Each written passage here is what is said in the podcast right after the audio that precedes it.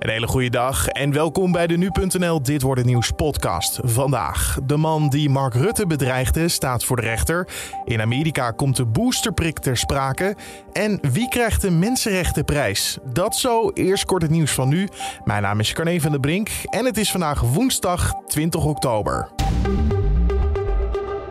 Geen lockdown of avondklok deze winter. Ondanks oplopende besmettingscijfers verwacht OMT-voorzitter Jaap van Dissel dat dit komende winter niet nodig zal zijn.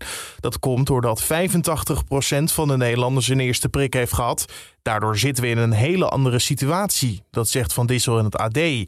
Een grote extra vaccinatieronde met een boosterprik acht hij vooralsnog ook niet nodig. En daarnaast denkt Van Dissel dat we na het voorjaar in 2022 voor een belangrijk deel van het coronavirus verlost kunnen zijn. Maar dat is niet in beton gegoten. In twee portiekwoningen in Enschede is afgelopen nacht brand ontstaan. De bewoners van vier huizen moesten hierdoor geëvacueerd worden. Er zijn geen gewonden gevallen. De bewoners kunnen voorlopig niet terugkeren en moesten de nacht doorbrengen bij vrienden of familie. De oorzaak van de brand is nog onbekend. En Nederlandse bedrijven worden steeds groener. Bedrijven investeerden vorig jaar ruim 2 miljard euro in een beter milieu. Dat is drie kwart meer dan een jaar eerder. De oorzaak is volgens het CBS dat vorig jaar veel parken met windmolens en zonnepanelen werden opgeleverd. Energiebedrijven doen veruit de meeste milieuinvesteringen. Ook chemiebedrijven, voedingsproducenten en de olieindustrie doen een behoorlijk duit in het zakje. En voetbal dan, want Ajax heeft gisteravond uitstekende zaken gedaan in de Champions League. De ploeg vernederde Borussia Dortmund in eigen huis met 4-0. Klonk zo bij RTL. Aller richting de tweede paal, om daar eventueel binnen te knikken. En dat doet hij ook. Ajax, Borussia Dortmund, 4 tegen 0. Volgens trainer Ten Hag speelde Ajax subliem. Alles klopte vanavond. Ze hebben dat fantastisch op het veld gebracht. Ze hebben eh, ja, in balbezit geweldig gespeeld. En uiteindelijk ook op de nul spelen. Maar daar ben ik ook heel erg blij mee. Verdediger Daley Blind scoorde zijn eerste goal in de Champions League voor Ajax. En hij werd uitgeroepen tot man of the match. En hij kreeg veel energie van de overwinning. Ja, ik denk gewoon dat het een wedstrijd was op, uh, op heel hoog niveau. Uh, dit zijn wedstrijden waar we ook ja, als selectie naartoe leven. Ja, ik denk dat we op dit niveau tot, tot grote hoogtes kunnen stijgen. Ook individueel en als team. Door de winst staan de Amsterdammers nu eerst in de pool en komen de achtste finales wel heel dichtbij. Dan over naar de agenda van vandaag. In Den Haag staat straks een man van 22 voor de rechter. Die dreigde met een aanslag op Mark Rutte. Via chat-app Telegram plaatste de man vorig jaar berichten in een groep met complotdenkers.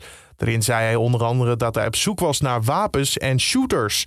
Hij zocht medestanders om het parlement mee te bestormen en dreigde daarbij Rutte neer te schieten. Deze zomer werd er gearresteerd. Zijn advocaat liet gisteren aan RTL Nieuws weten dat de man niet echt van plan was om Mark Rutte te vermoorden. Onafhankelijke adviseurs van de Amerikaanse gezondheidsdienst gaan vergaderen over de boosterprik. Gaat dan om mensen die al een prik hebben gehad van het Janssen-vaccin, maar mogelijk nog één extra krijgen, zodat zij beter beschermd zijn tegen het coronavirus. Adviseurs gaan kijken welke groepen zo'n extra prik mogen krijgen. In ons land krijgen tot nu toe straks alleen mensen een extra prik die een zeer zwak afweersysteem hebben. Dat adviseerde het RIVM en de Gezondheidsraad eerder. Gaat om zo'n 200 tot 400.000 patiënten. En wie krijgt er dit jaar de Mensenrechtenprijs? Dat gaat het Europees Parlement vandaag kiezen.